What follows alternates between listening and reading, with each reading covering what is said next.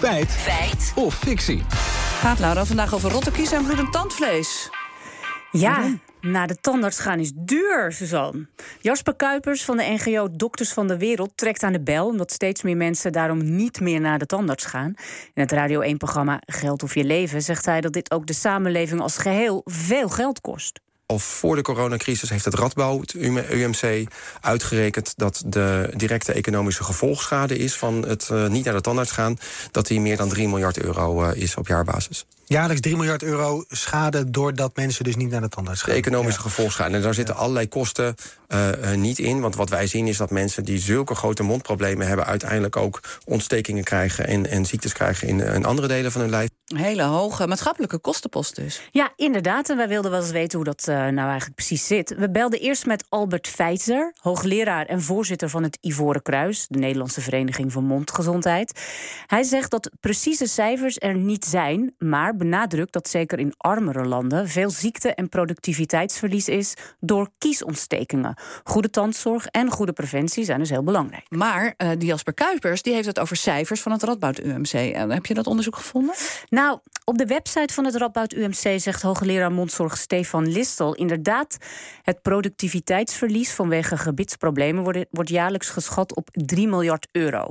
Hij is zelf helaas op vakantie, dus we, ja, we hebben het hem niet direct kunnen vragen. We belden wel met Wim Groot, gezondheidseconoom aan de Universiteit van Maastricht. Hij is erin gedoken voor ons. Die berekening over het productiviteitsverlies is gebaseerd op een artikel uit 2018, waarin wordt berekend dat in Nederland uh, het productiviteitsverlies per werkende uh, 209 dollar uh, bedraagt. nou, in Nederland zijn er 9,6 miljoen werkenden. Dus als je dat met elkaar vermenigvuldigt, dan kom je iets uit boven de, iets boven de 2 miljard dollar. Ja, het gaat naar schatting dus om 2 miljard dollar. Tegen de huidige wisselkoers is dat zo'n 1,9 miljard euro. Minder dus. Mm -hmm. Verder heeft Wim Groot nog een kanttekening. De suggestie wordt natuurlijk ook wel gewekt dat het te maken heeft met het feit dat de tandartskosten niet in het basispakket van de verzekering zitten.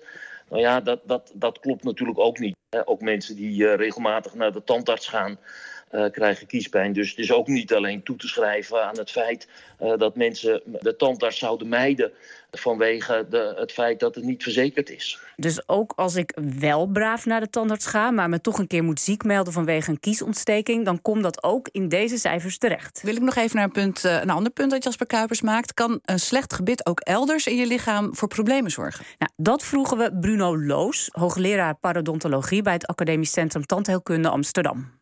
En we weten uit onderzoek dat uh, ontstoken tandvlees, tandvleesontstekingen, botverlies, losse tanden, dat dat een risico kan zijn voor hart- en vaatziekten, een hartinfarct of een beroerte. En uh, er is onderzoek gedaan dat uh, mensen die een ja, slechte staat hebben van hun gebit, bijvoorbeeld veel tanden verloren hebben of veel tandvleesziekte hebben, dat die een hogere kans hebben om eerder dood te gaan. Snel naar de tandarts dus, als je gebitsproblemen hebt. Maar terug naar het begin dan. Laura, kost het niet uh, naar de tandarts gaan ons als samenleving 3 miljard euro per jaar?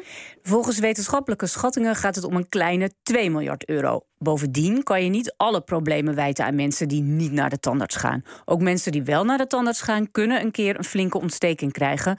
Dus is het nog steeds een fors bedrag, maar moeten we het toch beoordelen als fictie. Helder.